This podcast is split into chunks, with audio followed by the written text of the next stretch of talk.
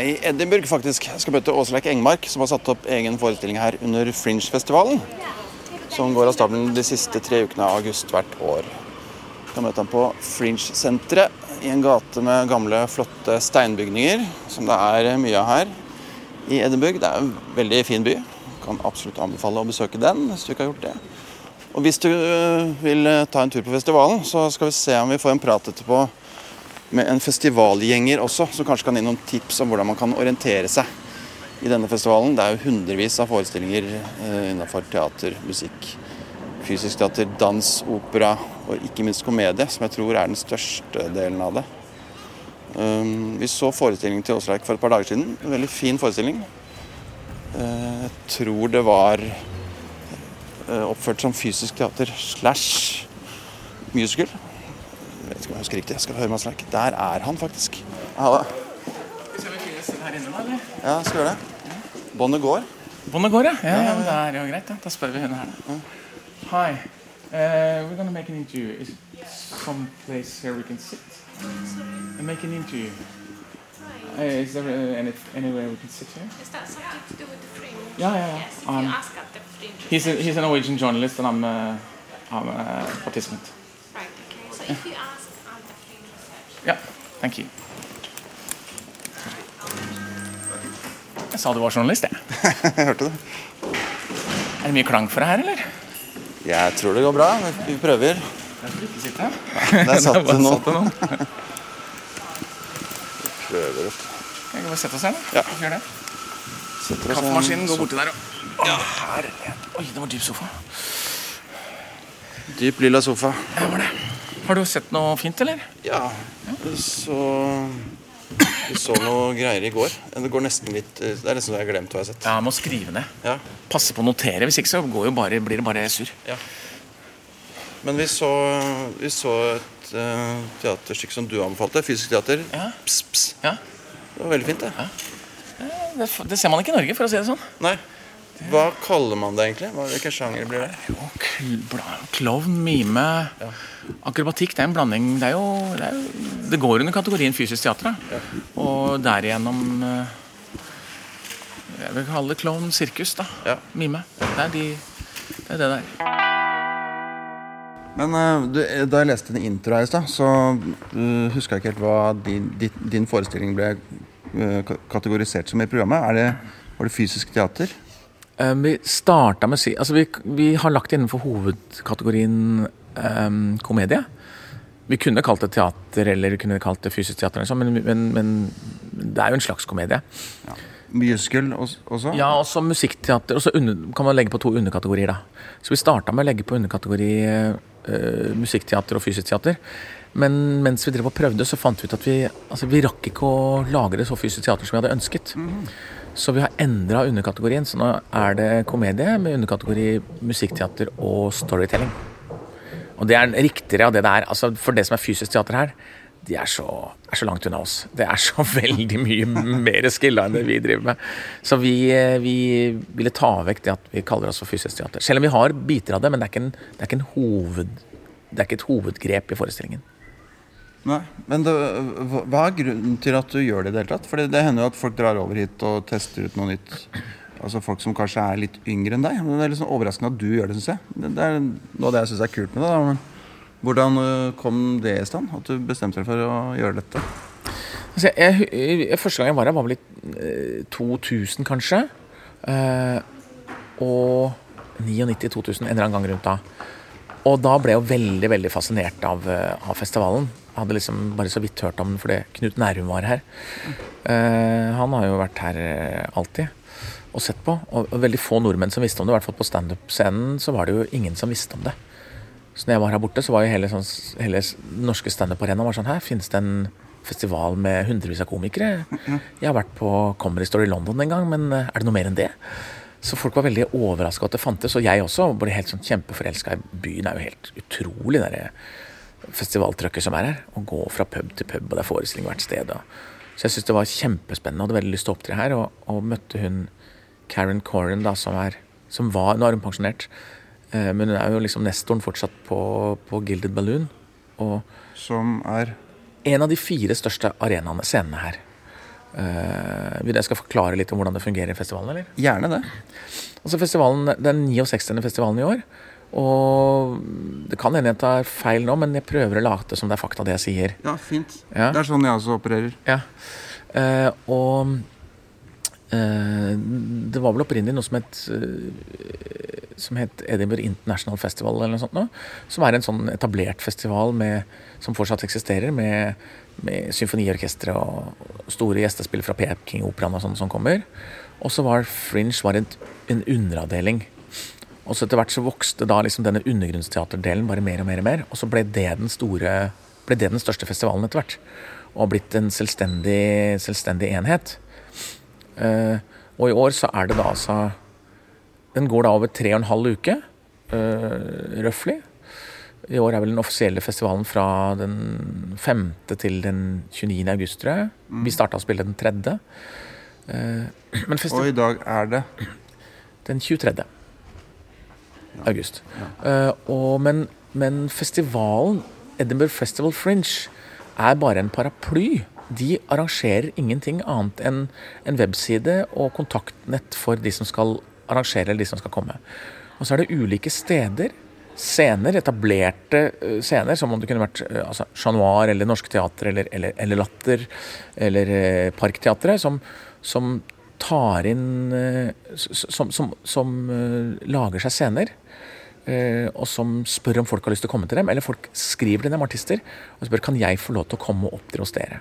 Og så programmerer de ut fra hvordan, hvor mange som har lyst til å komme og spille hos dem. Og, og de største husene her Det er liksom fire store. Det er Pleasance, det er Gilded Balloon. Pleasance Courtyard, eller er det bare bakgården Eh, Quarter er bare én av scenene til Plessens. Oh, ja. Så det, er, det, det startet kanskje der, siden gata heter Plessens og Plessens Courtyard, som da er en av, scenene, eller en av sceneområdene deres. Ja, heter det. Courtyard er i hvert fall et sted hvor du kan sitte og spise, ta noe å drikke, og da kommer folk med brosjyrer hele tiden. Ja. Og det er eh, 20 scener bare på Plessens Courtyard. Ikke sant? Så, men i hvert fall de fire store er liksom da uh, Assembly, Plessens, uh, Gilded Balloon og Underbelly. Og de er så store at de har på en måte, de kaller seg for The Fest. De kaller seg for en festival i festivalen. De arrangerer helt sine egne ting, men de er en del for oss som kommer utenfra, så virker det som de er en del av det store hele. Men de er helt autonome innenfor, innenfor festivalen. Og, og som du sier, Plessens Courtyard, der er det kanskje 20 scener. Og så har Plessens et annet sted som heter Plessens Dome, hvor det er seks scener. Og, og et par andre steder. Og det samme har de tre andre. Så de til sammen, bare de, har jo kanskje 100 scener.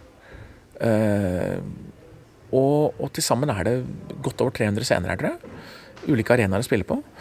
Og det er, og det er altså, over 3600 ulike eh, arrangementer som spilles her. Fra enkeltarrangementer til oss som spiller da hele måneden. De fleste spiller jo forestillinger nesten hele måneden. Eh, og det er hvor mange artister det er. altså Det er jo mange og 20 000. Og det selges eh, over to millioner billetter i løpet av hele, hele festivalen. Så det, det er verdens største kunstfestival. Og kanskje noe av grunnen til det er jo fordi den har fått lov til å vokse lenge, og fordi den er åpen for alle. Så det kommer jo øh, verdenskjente komikere hit. I hvert fall verdenskjente i, i Storbritannia og i den engelskspråklige verden. Som gjør show, som spiller for 1000 mennesker hver kveld og har fulle hus og har kjempesuksess. Altså, folk som har vært på BBC og sånn, de er her for å promotere seg selv og være promotere seg selv i eget land, til eh, koreanske dansegjestespill, eh, som er kjempesmalt. Og, og som er på en, på en internasjonal festival, da, og er her for å ha det gøy. Og så er det studentteater. Masse masse studentteater. Uh, unge mennesker som har lyst til å gjøre noe, eller, eller folk som er skuespillerstudenter, eller akkurat har gått ut. Eller, og, og det derre britiske teater-artistmarkedet er jo det er jo så sprengt, og folk har så lyst til å bli artist. Eh, veldig veldig mange vil bli det, og veldig veldig få er utvalgt til å kunne bli det. Så stor stor andel av de som er her, er jo ganske middels forestillinger. Eh, og har få besøkende. Men, men du kan altså se her kan du se de veldig veldig kommersielle, kule artister, kjente artister. Og du kan se helt fantastiske smale artister som du aldri aldri får se, verken i Norge eller Europa for øvrig ellers.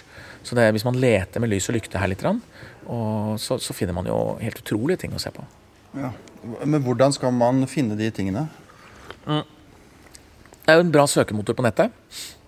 Um, hvor du kan da søke innenfor kategorier. Ja, hvis du søker på standup og trykker på, eller, trykker på komedie og så på standup under kategori, så får du vel kanskje opp eh, 600 søk eller noe sånt. ikke sant? Og det er jo nesten umulig. Uh, og det er jo alt fra han der amatøren til han veldig kjente. Så da må du jo begynne å søke på, på underkategorier. de må søke på Uh, komedie, standup, politisk. Oi, da var det bare 22 igjen. ikke sant? Og så kan du begynne å kikke på de, og så se hva de gjør, og, og lese om dem, hva de har gjort før. Og så må du gå inn på nettet og lese på hver enkelt. Er han etablert, er han ikke etablert? Er det bare fake, det han skriver? Uh, og så må du gjette deg fram og, og få litt sånn word of mouth også. Høre hva andre folk har sagt. Så jeg ville aldri dratt på denne festivalen den første uka. Jeg ville dratt dit på den andre eller tredje uka for å høre hva andre har sett på. Eh, for man må Vi kjenner jo ikke disse folka, så man må hele tiden eh, spørre andre hva er det som er fint å se her. Og det er bare innenfor standup, men hvis du f.eks. skal se på ja, fysisk teater, da, som jeg syns er veldig fint å se på her fordi det er vanskelig, Jeg syns det er vanskelig å se på standup her, fordi det går så fort, og de, de, de har komiske koder som handler om hva som skjer i f.eks. England. Så jeg kan sitte og høre at salen ler, men jeg ler ikke med. Jeg bare skjønner at nå ble det sagt noe gøy. Jeg syns det er morsommere å se på da fysisk teater for eksempel her, fordi det er, det er enklere å forstå for, for vi som er internasjonale gjester.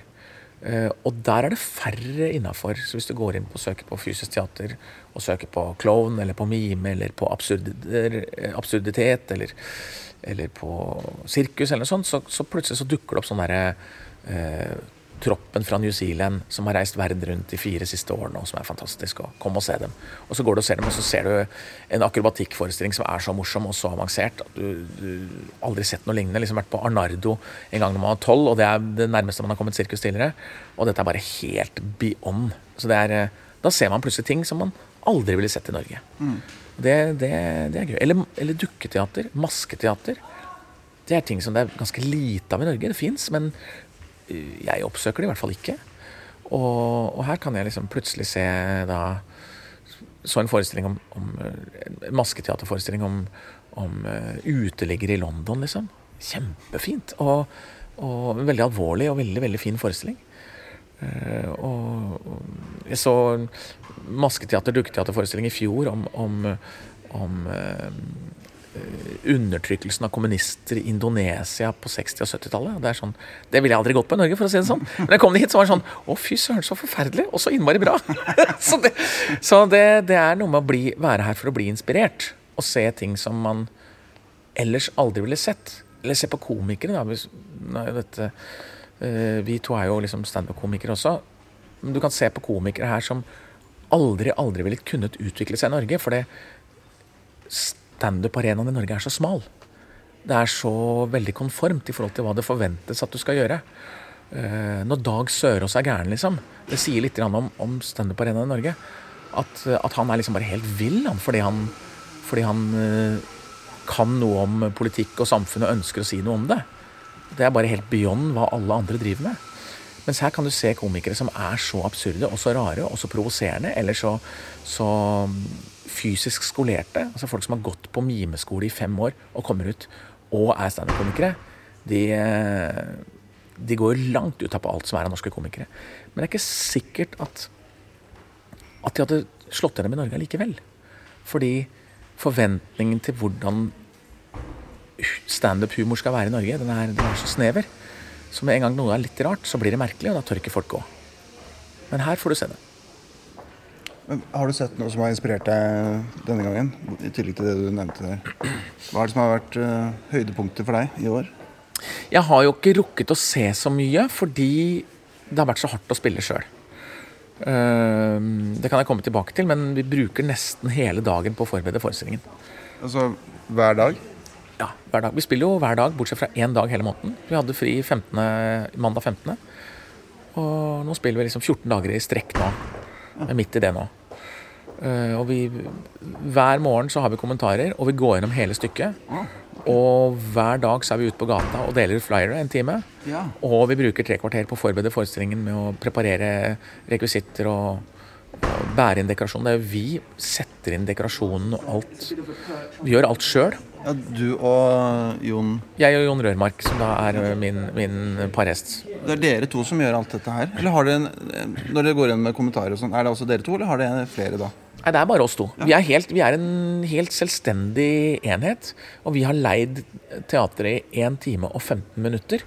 Og da skal det være klart ti på halv seks. Da har vi fem minutter på oss til å rigge. Og så er det fem minutter til innslipp. Og så har vi én times forestilling, og så er det fem minutter til å få rydda ut av alt. Og så starter neste forestilling. Og hvis vi da er ett minutt over, så får vi bot. Det er noen som skriver på tavla på utsiden om vi har sluppet inn i tide, om vi har kommet oss ut i tide. Det er knallhardt. Det er beinhard business fra de som driver det. Eh, Så vi har, vi har, en, vi har en Til å være her, da, en ganske avansert scenografi. um, Og masse rekvisitter og sånn. Og det står vi på bakrommet og preparerer alt klart til det er vår tid, tur til å slippe inn. Til forrige forestilling har rydda seg unna, og man lufter så godt man kan for å få ny oksygen inn i rommet. Så løper vi inn, setter opp vår dekorasjon, gjør i stand lyset vårt, eh, og så slipper vi inn publikum. Så spiller vi, og så løper vi ut med alt igjen, og så rydder vi opp. Så det er, så, altså, men, men da hele dagen går med, har gått med til dette, fordi det er så hardt å spille på engelsk. eh, og hardt å være i et fremmed land og gjøre det bra. Vi ønsker jo å utvikle forestillingen nå. Så vi har ikke rukket å se så mye. var Det jeg skulle fram til. Det var en lang runde. Det var interessant å høre hvordan det, det er. Men kan du ikke beskrive scenerommet? For det var ganske intimt. Det er jo Hvert eneste kott i hele Edinburgh er jo gjort om til scenerom. Det er liksom hvert bakrom på en pub, og noen scenerom er jo teatret. Andre scenerom er gamle kjerker, og vi har et lite rom nede i underetasjen på noe som heter India Buildings, som sikkert var en eller annen sånn derre et eller annet kontor for handel i India på 1800-tallet, tenker jeg. Og det er et rom, jeg vet ikke hvor svært rommet er, kanskje seks ganger seks meter. Eh, og det er publikum på tre sider i to rader, skråstrek tre rader på, på den midterste. Eh, og scenen, da, det som er igjen til scenen, er kanskje fire ganger fire meter gulv. Og beina til publikum bare stikker ut der. Eller tre ganger fire, kanskje. Og så har vi da et, et stort eh, slags magisk skap, som er vår, hele vår kulisse, med, med masse dører og skuffer og sånne rekvisitter og instrumenter og alt mulig. Og lys og sånn. Og, og vi har publikum helt oppå oss. Det er som å sitte inne i stua med, med 50 mennesker i stua. Eh, Så folk er helt, helt oppå oss, og vi er helt oppå beina deres. Så det er kjempe, kjempeintimt. Og, og det er helt nådeløst. Altså, de, de ser jo hver eneste uh, svettedråpe og hver lille sånn, ryng, eh, hver lille sånn eh, rykk i, i munnviken eller, eller øyelokket fordi vi er nærmeste. Det ser jo publikum. Og vi ser jo også dem helt tett på hele tida. Så det er veldig veldig intimt teater. Eh, Ganske, ganske flott. Hvordan er det å få kjent folk her? Sånn, sånn som i går, så satt du fire standupere fra Norge der. Eh, det, var, det var bare hyggelig når dere var der. Eh, men det er ganske uh, Tidlig i prosessen så var det, det er ganske guffent. Altså det med, hvis det er 15 nordmenn i salen, eller 20 nordmenn i salen, så utgjør de faktisk en ganske stor faktor av folk som ikke er engelskspråklige. Og det påvirker forståelsen i salen. Eh, og det påvirker lydnivået i salen, på humor og sånne ting. Men det er en internasjonal festival. Og, og det er jo alltid folk i salen som, som ikke er eh, født engelskspråklige. Så sånn sett så, så går det litt ut på ett. Og, og vi er jo ikke primært her Se på han, du. Der kommer en ordentlig politimann. Nei, det er, ko- det er kostyme. Det er jeg sikker på. Mener du det? Nei, jeg vet ikke. Han gliste så fælt. Smilet var litt uh, out of character, men han hadde vest og håndjern og poli- pistol og det hele. Jo, men skal vi se Det er en Det er en internasjonal festival, og vi er her jo for å spille for folk som aldri har sett oss før. Eh, Vi er ikke her for å vise oss fram for nordmenn. Eh, Så vi syns det er morsomst å spille for folk som ikke vet hvem vi er. Og, og prøve å fortelle historier til mennesker som uh, ikke kommer med noen som helst slags form for forutinntatthet. Bortsett fra at vi er norske og at det er en forestilling om flyktningkrisen, så, så setter de seg bare ned og sier ja, ja, fortell, da. Og det er veldig deilig. Uansett hvor jeg reiser i Norge, så er det alltid noen som har en forventning til hvordan jeg skal oppføre meg på scenen. Og hva som er norsk humor, og, og hvordan han derre Severin Suveren er, og sånne ting. Og han som han skal vi danse, og han som er komiker som jeg så for ti år siden. Eh, det, det, det kjenner jeg på når jeg spiller i Norge, at jeg føler at det er en slags forventning i salen. Mens her er det ingen forventninger i det hele tatt. Og jeg er også fri fra min egen forutinntatthet. Så det å være her og spille er jo er kjempe, det er veldig, veldig inspirerende. Så jeg trenger ikke ha dere i salen. Men eh, skal du gjøre noe mer med denne forestillingen? Har du, spilt, du har spilt den i Norge også før, har du ikke det? Nei, nei, den, ikke nei, den er ikke men, spilt i Norge. Men, men uh, i programmet så er det jo et sitat fra Aftenposten. Ja. Uh, fra en anmeldelse, ser det ut som. Det er ganske fascinerende. For det her borte, dette er en verdenspremiere. Vi spilte første gang for publikum her 3. august. Den har aldri, aldri vært spilt i Norge. Og vi skrev den på engelsk for å spille den her. Um, og når vi er ferdige her, så skal vi oversette den til norsk og begynne å spille den i Norge. Vi skal ha premiere 14. oktober på det andre teatret. Uh, men sånn det fungerer her, så bruker folk gamle sitater for å promotere seg selv. Selv om det ikke er sitater fra gamle fra samme forestilling. Så vi drev og ja, dette, dette scenehuset da, som heter Sea Venues, som er vår store paraply vi spiller under, som også er et, et scenehus med, med, med flere steder rundt i byen og sånn. De, når vi begynte å skrive vår pressemelding, så sa de ja, men vi må ha med noen eh, pressesitater her. Vi har jo ikke, vi har ikke spilt forestillingen. Nei, drit i det. Bare ta med noen gamle. Ta med de beste dere har av gamle. Ja, vi, vi, vi, vi, vi, vil ikke det være juks, da? Nei, nei, alle gjør det. Bare gjør det. Skriv opp stjerner dere fra gamle forestillinger. Alle gjør det. Og folk veit at sånn er det. Så derfor skrev vi da et sitat fra, fra en tidligere forestilling. Men det er jo et problem, som du sier. Du tror at det er en gammel forestilling. Og til og med en anmelder som har fått pressemeldingen hvor alt står, han trodde dette var en gammel forestilling. Den ene anmelderen vi har fått, så han var litt sånn Ja ja, de har spilt dette i Norge før, og så kommer over oversetteren og prøver å tilpasse det litt engelske forholdet. De kunne ha øvd litt mer, da. Han var litt der! Mens da hadde vi liksom spilt seks forestillinger og sleit som søren. ikke sant? Så det er litt misvisende. Er Ja. ikke, jeg kommer aldri til å gjøre det igjen. Det er veldig mange brosjyrer med fire stjerner på. Altså mange forestillinger som har fått fire stjerner, tydeligvis. Ja. ja, og det, ja, ikke sant. Og det er gamle Enten gamle versjoner av samme forestilling, eller gamle stjerner fra samme kompani. Ja. Så man skal ikke stole på gamle stjerner. Det kan du bare glemme i programmet her. Uh, da, man må lese liksom mellom linjene for å skjønne om stjernene er nye eller uh, til eksisterende forestilling, eller, eller fra gamle ting. Men, uh, så du, du spiller det du, velger altså å kjøre inn forestillingen her før premiere Oslo, litt for å frigjøre deg fra folks forventninger hjemme? Ja, egentlig. Eh, Det jo, altså det har vært en drøm å spille her, som jeg sa, alltid, og aldri turt å gjøre det helt. Men nå åpna det seg et, eh, et eh, trekvart års vindu eh, for å kunne lage forestillingen og, og, og, og rett og slett tørre da å gjøre det. Eh, Også, vi lager en forestilling her, i hvert fall sånn for mitt vedkommende, som jeg aldri hadde turt å lage i Norge. Fordi det er ja, det handler om flyktningkrisen, og det er en komedie, men det er ikke så innmari morsom.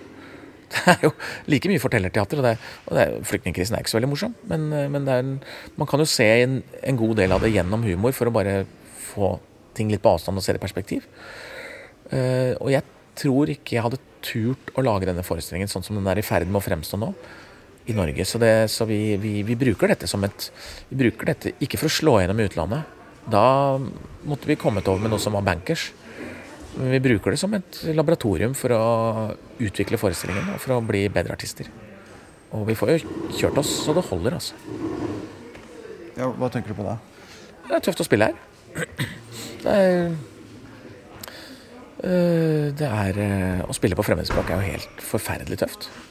Prøve å Vi tror at vi kan engelsk, men vi kan så lite. Vi, altså den subtiliteten som er i språket, og liksom det å være vittig og være liksom snu små, små ord for å få folk til å le, det, det, det, det er ikke mulig for meg på engelsk. Uh, Publikum kan le av noe en dag, og vi ser det helt likt dagen etter og ingen ler. Og vi skjønner ikke hva, hva som skjedde. Hvorfor Vi vet ikke hva vi gjorde med tonefallet som gjorde at det var gøy den ene dagen og ikke den andre dagen. Vi vet ikke hvorfor de forsto det en gang og, og ikke forsto det en annen gang. Eller fordi man er norsk, så blir man overtydelig, og publikum ligger hele tiden tre sekunder foran deg. De vet hva du skal si. Så du er ikke overraskende morsom, du er bare eh, litt treig og sjarmerende. Så, så det, er, det er kjempekrevende, og vi må lære oss å bli veldig tydelige og veldig, og veldig fortelle veldig reint eh, når vi er her. Fordi vi gjør det på et språk vi ikke egentlig mestrer. Eh, så det er kjempetøft. Og, og som jeg sa, vi, vi snakker gjennom forestillingen hver dag høyt og har kommentarer, kommentarer hver dag. For å prøve å få det til å bli bedre. Og få tunga til å ikke krølle seg. For det engelske Engelsk språk gir munnbevegelser og, og, og, og, rekker av munnbevegelser som er annerledes enn med norsk språk. 3000 pounds fine, 3000 pounds fine, 3000 pounds fine. Han har brukt lang tid på å lære å den setningen. 3000 pund eh, bot. Og, og det, er en, det er en sånn setning med Å si 3000 kroner i bot på norsk, det er, jo, det er jo noe som er helt organisk for meg. Jeg ser bildet i hodet mitt med en gang. Men å si 3000 pounds fine på engelsk 3000 og pounds, det er jo ting jeg vet hva er for noe. Både 3000 og pund. Det er ord jeg har kunnet i mange mange år. Fine er et ord som er relativt nytt for meg innenfor engelsk. Jeg har visst hva det betydde, men jeg har ikke egentlig brukt det. Og det betyr også fin. Så fine er liksom et, et ord som Jeg har lært meg lyden, og jeg vet hva det betyr, men jeg får ikke noe bilde i hodet mitt når jeg sier det. Jeg bare lager en lyd med munnen, og jeg vet at det betyr bot. Eh, Så det, det er ikke organisk. Språket er ikke organisk inni meg. Det er kjempekrevende. Um, så jeg må hele tiden konse for å komme inn i fortellingen, inn i fortellingen, inn i fortellingen. Og så, Det er den ene delen av det som er krevende.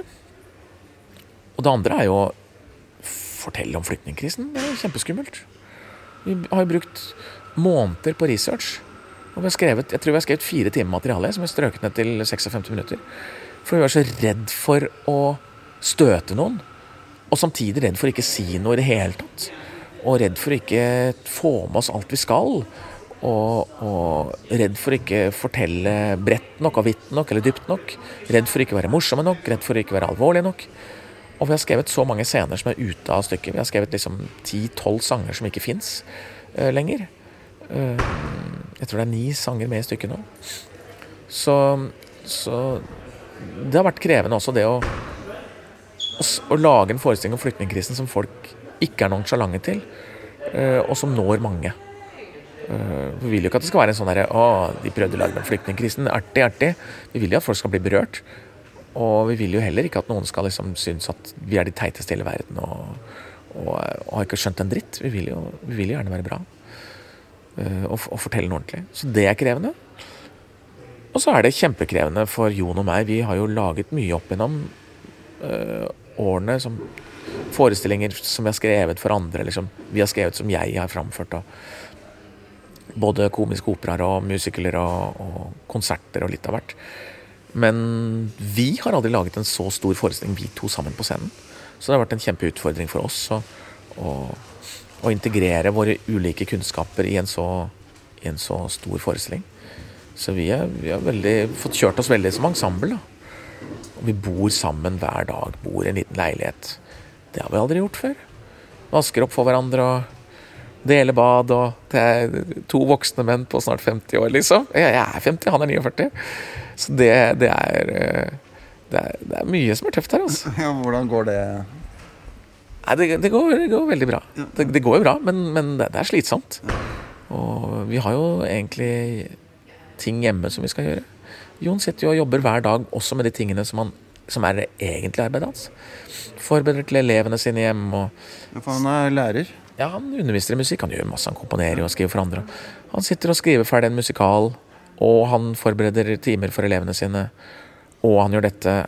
eh, Så det er jo det er, det er masse, masse å drive med, rett og slett. Men Hvilke tilbakemeldinger har dere fått på forestillingen? da? Publikumstilbakemeldingene har vært veldig fine. Av liksom det internasjonale publikummet som er her. Og, og vi kan ikke måle det på noe annet enn det. De, de, og de som jobber på huset og sånn, er overrasket og syns det er en gøyal forestilling og fin forestilling. Um, det å liksom breake og bli liksom word of mouth, hvor alle går og ser på her i festivalen, det er nesten ikke mulig. Jungeltelegrafen går bare liksom tre-fire dager av gangen, og så forsvinner den igjen. For jeg tror det, den går her så lenge folk er på besøk her. Og folk er her i to-tre-fire dager og ser på forestillingen, så forsvinner de igjen. Og nå går vi inn i en sånn helvetesperiode hver liksom, tirsdag, onsdag, torsdag. Det er kjempetøft. Det er de dårligste dagene. Og Da er det færre folk i salen. Ja, ja. Da vi var der, så var det fullt. ja det, var, det var kjempefint. Det var en søndag, liksom. Og, og nå kommer liksom Det er en helvetesperiode. Ja. Så det går litt opp og ned.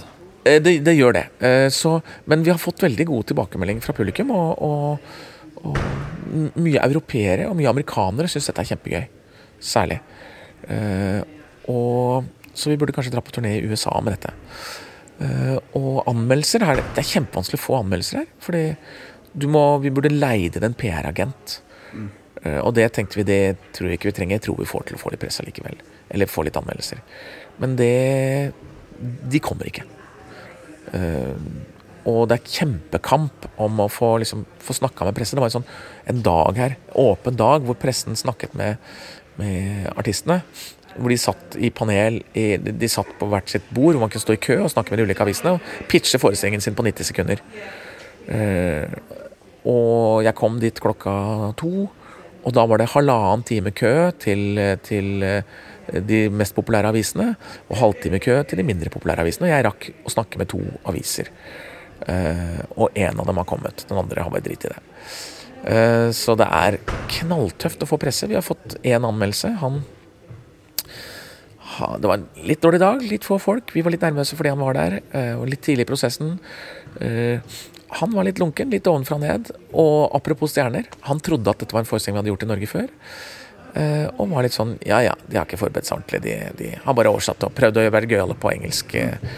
Eh, lage en flyktningeforestilling. Det, det, det må to nordmenn til for å gape så stort som dette. Litt for stort. Ferdig.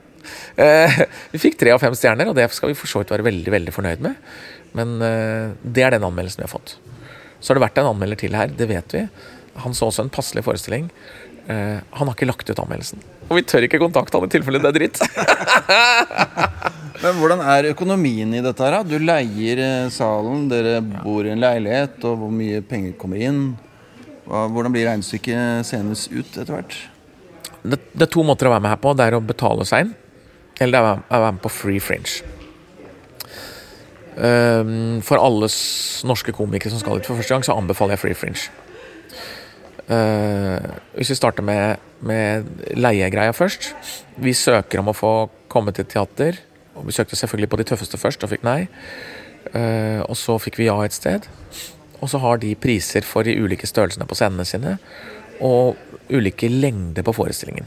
Vi har betalt da for 1 time og 15 minutter, som er innrigg, innslipp, spille, utslipp av publikum. Ut, nedrigg, ferdig. Eh, og for en 57 seters sal.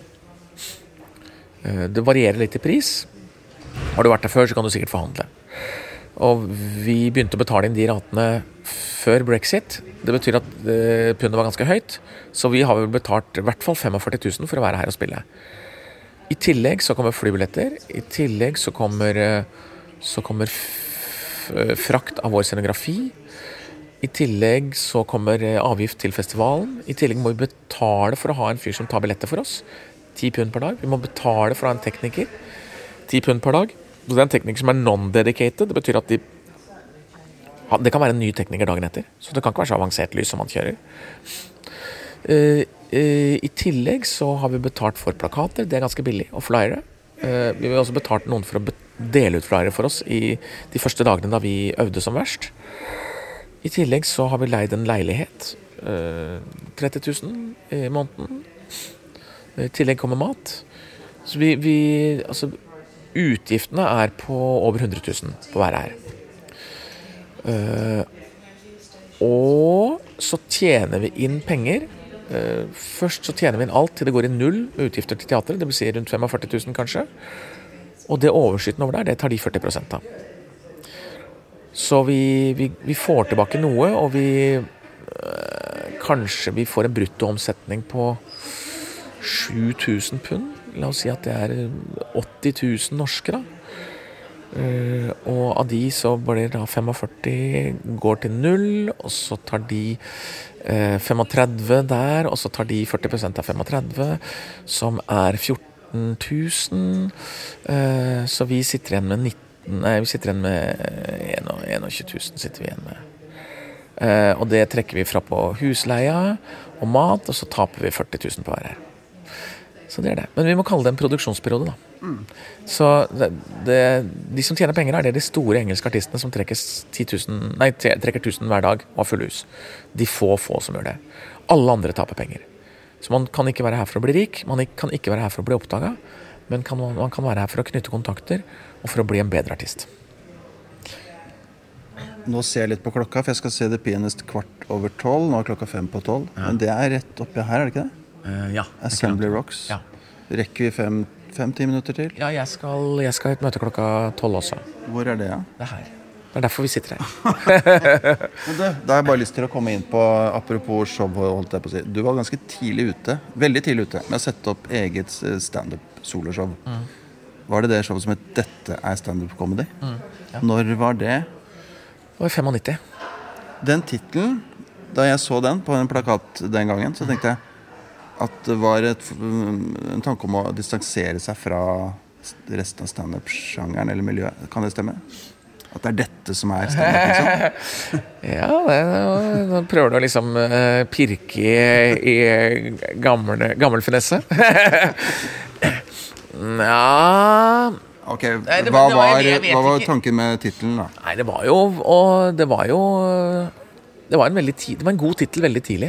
Eh, hvis ikke jeg hadde tatt den, så hadde noen andre tatt den. Jeg husker jo folk som, som skulle gjøre standup i den perioden, som ble litt irriterte på den tittelen. For de sa, åh, nå har Åsleik liksom definert det. Ja. Åh. Men det var jo bare fordi det var så få og så tidlig at folk var livredd for å bli definert bort. Så, men det var en god tittel. Uh, nei, det var vel et forsøk på å si at uh, her er standup. Det, var- det var ikke så mye som å si de andre er dårlige. Det var det ikke. Hvordan, hvordan vil du karakterisere standup-sjangeren den gangen? Eh, veldig prematur, selvfølgelig. Eh, den lignet jo en del på engelsk standup, sånn som vi hadde sett den den gangen. Eh, det, vi, det lille vi hadde sett på, på Comedy Store, da. Eh, eh, og det var lite altså Man så jo ikke noe på nettet den gangen. Man kunne, leie, man kunne kjøpe videoer, liksom, av kjente komikere. Eller høre på CD-er. Eh, så det var jo rett opp og ned helt streit standup. eh, som handlet om tull, eller forsøksvis om ordentlige ting. Eh, men standup-komikere i Norge i dag er jo mye mer eh, subtile og utstuderte og varierte enn det vi var den gangen. Så det var veldig, veldig tidlig. Men folk syns det, vi visste jo ikke bedre i Norge den gangen, så den gangen var det jo bra. Virkelig. Hvordan var eh, den erfaringen der med å sette opp show eh, den gangen? Det var eh, Det var veldig spennende og veldig gøy. Prøve å, prøve å bli morsom, da. Prøve å få det til å bli gøy. Og vi, den gangen så var jo øh, Vi overtok en arena, særlig i studentmiljøet, som hadde vært, øh, som hadde vært forbeholdt eh, band og rockeband og sånn. Og de mista liksom populariteten sin på slutten av 80-tallet, tidlig 90-tallet. Så vi kom inn som lørdagsunderholdning på, på utesteder og på, på eh, studentsteder der hvor det hadde vært band fem år tidligere. Eh, Så vi ble rockeartister, rett og slett. Og det var veldig, det var veldig ok. Det var veldig gøy. Vi, vi, vi, vi, fylte et gap da i underholdningsbransjen som det mangla noe der. Så det var, det, var veldig, det var veldig kult og veldig spennende. Det var få steder å spille, men vi, vi syntes jo vi spilte masse. Og folk var veldig overrasket og syntes det var kult. Jeg husker jeg så et show med deg på Samfunnet i Trondheim. Jeg har sett flere, men ett av dem Da husker du kom inn på scenen og fikk så eh, enorm jubel og så god mottakelse at uh, din, eneste, eh, eneste, din eneste kommentar til det var uh, Det skal ikke mer til deg. Eller noe sånt. da Ja. Nei, det var, det, var, det var jo sikkert under uka. Jeg var der et par ganger under uka. Det var jo helt Det var helt enorm forventning til standup den gangen. Ja. I, I studentmiljøet. Det er helt annerledes nå, for nå veit folk hva det er. Men den gangen var det bare sånn Altså, folk hadde ikke sett livekomikk. De hadde kanskje sett en skolerevy i sitt liv, liksom. Og, og folk var helt sånn fjetret over at det kunne stå en mann på scenen og være gøyal, bare sånn uten videre. Det var, folk hadde kjempeforventninger, og jeg tror forventningene også ble innfridd. da. Så det var, det var veldig veldig stas for folk, og veldig stas for oss på scenen òg. Eh, en av de beste forestillingene jeg har sett, i hvert fall når det gjelder impro, var en eh, forestilling du hadde også under uka, hvor du improviserte hele forestillingen. Sånn ja. 12, klokka tolv, eh, halv ett på natta eller sånt. Var det den der jeg sto i midten? Ja, Ja. så midten av på Storsalen her, ja. Ja, det er sant, det. Eh, spilte med publikum på fire sider der og hadde en im improforestilling for 800 mennesker i Storsalen. Det er modig gjort! ja, det jeg skjønner ikke at jeg turte, altså. Det ville jeg ikke turt i dag. Det gikk jo veldig bra. Ja, det var kjempegøy. Og jeg snakka med publikum og laget ting ut fra hva de sa og, og kom med og sånne ting. Og kobla ting. Det, det, du vet at den gangen Dette er jo 15 år siden. Da gikk jo huet mitt fort.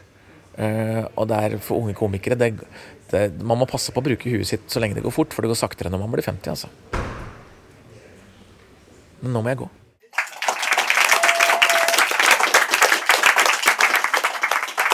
Hello, welcome. We're so happy that you're all here, finally. Safely seated, all of you. We are Osleik and Jon. This is Jon. Hello. Hello. Hello. Jon is John in English, easier to understand. Mhm. Osleik in English is uh, Osleik. Uh, so, yeah. Mhm. And uh, I'm, an, I'm an actor. And uh, Jon, he's a musician. He's a musician.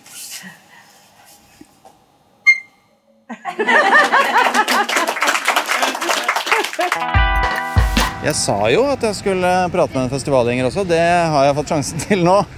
Henrik Overø Bjørnson, eh, vi har vært på festival noen dager. Hvordan Ja. har det vært eh, hvis du skal oppsummere dette her?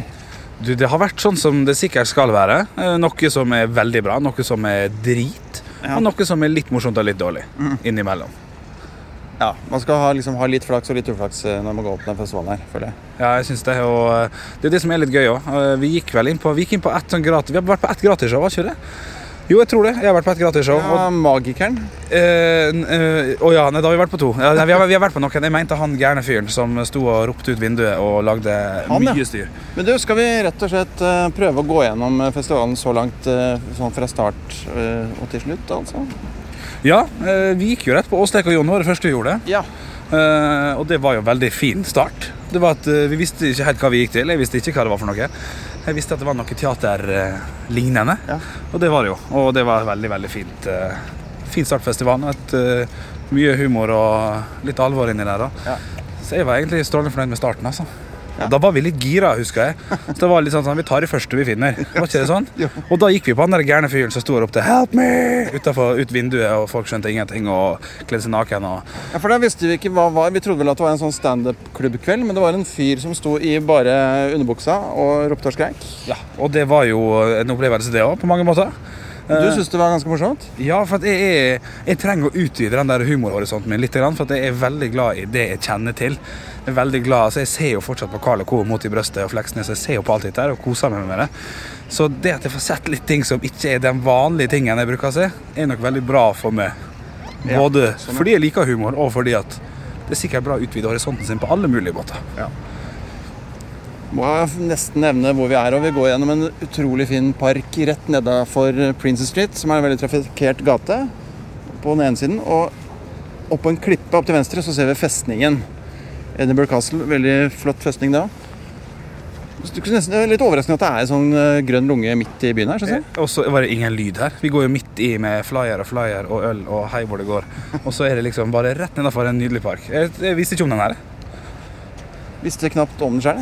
Men uh, hva var det vi så etter han derre gale Mathias? Etter gale Mathias Og da gikk vi vel på uh, Gikk vi på trylling, da? Nei, vi gikk ikke på trylling, da. Vi, vi har tatt fire show hver dag. Det har vært målet, og det har vi gjort. Og da, Vi var i hvert fall på trylling den dagen, og så var vi vel kanskje på ett betalt til hus, Husker du, eller husker ikke du? Jeg trodde, jeg trodde det var trylling etter en, eh, han gærne fyren. Ja, Det kan hende det var det. skjønner du Det var vel sånn passe? var ikke? Ja, Var det magiker i det hele tatt? Tenker jeg sånn i første omgang. Var det ikke bare tryllinga? Jo, Hva er forskjellen egentlig? Jeg, jeg vil, jeg vil påstå at mag- magiker er jo litt mer sånn og litt mer eh, se tigeren forsvinner. Men Her var det jo bare noen halvdårlige eh, korttriks som var kjempedårlige. Du så at han bytta Kinderegget med det andre, og det var, det var ikke bra. Men du ble jo tatt opp på scenen på slutten, du. Ja, jeg meldte meg frivillig, for jeg syntes han var så dårlig at jeg ville se om han var så dårlig. For vi satt ganske langt bak. Uh, men det var det eneste trikset som faktisk var imponerende. da At han fikk meg til å velge et tall. Og han Mellom 33 og 100. 100. Ja. Og da hadde han akkurat sagt uh, 27 tidligere, eller et eller annet, som gjorde at vi valgte 67, nei 23. Et eller annet, jeg husker ikke. Eh, som gjorde at vi trakk fra, mente Bjørn Henning eh, Ødegaard. Eh, og Men du landa på et annet tall. ja, for han sa velg et helt annet tall enn det du tok, og da tok jeg 88. Og det, og det klarte han jo å gjette ved å skrive ned masse tall, og så sa jeg tallet mitt. Nei, nei, og Så spurte han står tallet ditt på tavla, og sa jeg nei. Og så Oi, det var pinlig. Ok, ja, ok, drit i. Ha det. Snakkes. Og så sa han plutselig ja, vent nå. Hvis du tar og ganger alle sammen, så Ja, for blir da hadde han skrevet opp masse tall. Ja. Og så hvis du summerer opp til høyre og venstre og på kryss og tvers, Ja. så ble det, ble det 88 ble 88. hele tiden. Ja. Så det var jo litt imponerende, da. Det, det skal han ha. Men, uh... Men betalingen var litt spesiell her. ja, jeg, jeg, jeg kjenner ikke til kutyme så godt på hvordan man skal forholde seg til det der. Men det er jo free fringe, og du skal, eh, du skal betale det du syns det er verdt. Men det var vel mer at han sa at det showet her er verdt ti pund. Ja, han sa personlig syns jeg showet er verdt ti pund. Ja. Hvis du vil gi, så gjør det. Så sa han altså at han skulle stå ved utgangen og ta Ja. alle i hånda. Så ikke snik deg forbi. Gi penger hvis du vil, eller forklar meg rett i øya hvorfor du ikke likte det så godt. Det er ganske aggressiv tigging. Ja, og eh, folk er jo konfliktsky. Jeg er i hvert fall konfliktsky, så jeg ga jo han ti pund og sier thank, for, thank you for a very great show, Mr. Magic Man. Så dum som jeg var. Nå husker jeg det siste showet første kvelden. Det var eh, showet Midnatt som het Best of the Fest. Som eh, du var og så på. Hva, hvordan var det? Det også var dessverre ganske dårlig. Det var en ekstremt kul sal. En av de kuleste salene jeg har vært i. Men komikerne var, Det var ikke gøy. Det Hvordan var, var salene? Det var en slags eh, Det var en bitte, bitte litt mindre versjon av eh, Chateau Neuf. Det var en rund scene, og folk satt i 180 grader. Og det var røyk eh, Røyk, wow. Men det var liksom røyklagt alt og masse lys. Det var liksom Da hadde jo nettopp vært på tre sånne gratis show, da. Eh, Den to sånne gratis show, som var veldig dårlig. Så kanskje jeg ble litt bergtatt av at det var mye større. Men det var ei dukke som var standup-komiker der, som var veldig gøy. Randy. En lilla dukke. Det var høydepunktet. Det var en ekstremt god dukkefører som, eh, og hadde morsomme vitser. Så jeg skal ikke kimse av god dukketeaterstandup, har jeg funnet. Ja, det kan være fint det. Og i går så møttes vi på Pleasants Courtyard og så et slags dukketeater, det òg. I hvert fall så involverte det en dokke. Det var en sånn space-sak. Romfartshistorie fra fremtiden. Ja, Vi ble vel enige om at vi skulle være ganske åpensinna når vi fikk imot flyers. eh, Og vi satt vel, Dem som solgte det best inn til oss, skulle vi gå på når vi satt der vi hadde 10-15 minutter og masse folk kom. Og så var det jeg som tok sjefsavgjørelsen om at litt dukketeater skal du ikke kimse av. Eh, Men det var jo ikke dukketeater. Det var vanlig teater om ei dame som skulle til Space og bli sendt ut der. Og så var det bare ei lita dukke som prøvde å lokke henne uti. Nei, dette var dårlig. Beklager det, altså. Nei, det var vel en felles avgjørelse, var det ikke det? Ja, vi Og så hva gikk vi på etter det? Da tok vi oss en tur på Fast Fringe, gjorde vi ikke det? Det tror jeg vi gjorde. Om, om ikke noe annet. Ja, rett og slett eh, mange Altså tolv standup-komikere som fikk tre minutter hver, Mm. eh, pluss konferansier. Så det tok en times tid. Høres ut som en ekstremt dårlig idé. Det gjør jo det. Du har tre minutter på å etablere det og på å få folk til å le, Ja. og på å takke for det. Veldig dårlig tid på deg der. Men det var jo øh, veldig, veldig gøy. Fordi at du fikk jo den beste sånne korte smekk, smekk, smekk vitser, og folk ville jo levere. Fordi at med en gang de var ferdig, så skulle de si hvis dere likte det, kom på Pleasance Courtyard og se meg gjøre showet mitt der. Så alle ville jo selvfølgelig prøve å få publikummet sitt dit. Så man fikk jo det beste av det beste, av Ja, og det som er kult med det, er at som de sa, de som solgte det inn til oss, at hvis du ikke liker komikeren, så er han av scenen minutter. Ja, og det var en som sto over tida. Han sto tett opp til fire minutter. Så det, folk respekterte tida si. Og det går hver kveld med ny lineup hver kveld, så det vurderer vi å se i dag også. Ja. Og etter det, eh, i går, så Var det vel Sam, var Sam Simmons Det var Sam Simmons. Det også var etter anbefalinger fra flere. Eh, Vi tror jo at han var litt uheldig. Vi, Ja. vi, altså, det er jo noe med sånne eksperimentelle komikere som man vet ikke helt om det er kødd eller ikke. Men eh, lyden fucka seg jo tre ganger, og han måtte bytte mikrofon. Og han var ganske sint. Ja, Og ingen lo. Det var, jeg spurte dem ved siden av meg sånn, er det her en del av greia. Bare sånn, Nei, det tror jeg ikke, for nå, nå går det gærent her. Virka som det gikk gærent med lyden. Han har masse sånne lydopptak med stemmer som han interagerer med, og det rota seg til. Ja. Og det ble han ganske sur for, som du sa, og gjorde stort nummer ut av det. Og det hjalp jo ikke på et allerede nokså kaotisk show. Nei. Det gjorde ikke det, og man vet ikke helt hva som skal skje. og Da blir man enda usikker på om det er det. Og når man som publikum er sitter og er usikker på om det er en del av greia eller ikke, da, da blir man litt sånn jeg, blir, jeg, blir litt sånn, ja, jeg vet ikke helt om jeg skal le eller om jeg skal vente til det begynner på igjen. Og, men han hadde jo flere morsomme ting der, da. Så jeg tror, jeg tror vi var litt uheldige med at han var litt uheldig. Og så så vi et fysisk teater vi også hadde fått anbefalt, som het Ps Ps. Stemmer det. Det også var jo eh, Ja, vi fikk vel et tips av Åsleik etter showet hans. Det første showet vi så, så sa han bare Spurte hva vi skulle se, så sa jeg vi skal se litt forskjellig. Og så sa han nå må du bruke muligheten til å se ting du ikke kan se i Oslo. Ja. Som egentlig er det beste eh, rådet jeg har fått her. Så da gikk vi og så på et eh, fysisk teater som var veldig, veldig stilig. Eh, ja, det å se flinke folk i sitt fag er jo alltid kult, så lenge de er flinke. Og de var jo ekstremt dyktige. Man skal si hva det handla om, for det var jo bare masse Det var to klovner på en måte. Uh, altså Ordet klovn høres jo rart ut, da, men eh, det var Ja. mim, miming og, og fysisk teater. Ja, og det skal man jo ikke tro at man kan sitte og bli fascinert av, men det, det ble vi jo. Ja. Syns jo det var veldig fint. Ja. Så så vi vel ikke noe mer i går. Nei, det var det siste. I dag Ja. formiddag så så vi noe veldig fint, også etter anbefaling fra Åsleik, som het The Pianist. Personlig syns jeg det er noe av det fineste jeg har sett på en teaterscene noen gang. Jeg kan være helt enig i det. Det var igjen dette mimegreiene da, som jeg tror alle vi som har vært på tur har blitt litt sånn forelska i. For at man ser at det kan være så utrolig mye mer enn det man hører når man sier nei, jeg skal gå og se et mimestykke eller mimeteater eller hva det heter. Uh, ja, det var helt rått. Å bare se folk ha så beherskelse. Og så var det en fin historie. På en eller annen måte, som er vanskelig å forklare. Det var en pianist som skulle uh, sette i gang konserten sin, som aldri kom i gang. Og det høres jo ikke kjempegøy ut, Nei. men det var jo det beste vi har sett til nå. Og noe av det beste jeg har sett nok en gang. Det var liksom både trist og spektakulært, skummelt noen ganger, morsomt. Ja. Alt i ei pakke. Så Derfor har vi bestemt oss for at vi skal ikke se noe før på en stund nå. For at det var så bra. Ja, Nå har vi tatt oss en pause. ja, ja. Vi vurderer å se, se den eh, Fast Fringe-varianten en gang til. Og så skal vi se Daniel Kitson, som vi også har fått anbefalt. Jeg vet ikke så mye om han. Nei, jeg, jeg var her i fjor sammen med, med kjæresten min, bare egentlig på et kjærestetur og skulle se litt show. Så møtte vi tilfeldigvis Martin Beyer-Olsen og Lars Bærum. Og han, eh, jeg tror denne kidsen er en personlig favoritt av Martin, så han hadde kjøpt noen ekstra billetter, for han skulle egentlig dra med noen andre i tillegg. Så han hadde med seg fire billetter og spurte om vi ville ha de to andre. Og det ville vi. Og det var eh, Nå skal ikke jeg selge inn for mye her, men det var hakket bedre enn The Pianist. Det er det beste jeg har sett eh, nok gang. Med en helt vill interaksjon med publikum uh, i form av masse høyttalere som blir satt ut, og han snakka med Ja, jeg vet hva, det er godt an å forklare. Det var bare ekstremt finurlig måte å fortelle en historie på, som jeg ble helt bergtatt av. Og jeg gleder meg veldig til å se om det er noe like perfeksjonistisk som sist i dag. For det var noe med at det sto masse høyttalere rundt i, på scenegulvet som han hadde dialog med. Ja. Som var delt ut til publikum. Så publikum ble sittende og snakke med seg sjøl via høyttalerne. Og så måtte han avbryte dem samtidig. Og det var jo 16 stykker å forholde seg til. Alle hadde hver sin MP3-spiller og en høyttaler. Og det var Nei, det var helt rått. Og det er kjempevanskelig å forklare når Ja. Men det var bare en teateropplevelse. Jeg vil si at det var teater mer enn Det var ikke standup, det, var- det, det var en teateropplevelse uten like. Så banalt som det høres ut, men det var det.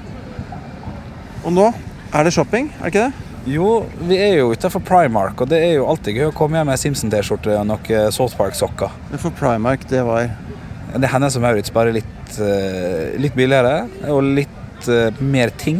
Ja. Og litt gøyere ting. Ja, så jeg er klar for det, altså. Da blir det shopping, så ses vi etterpå. Takk for oppsummering. Jo, i likeså.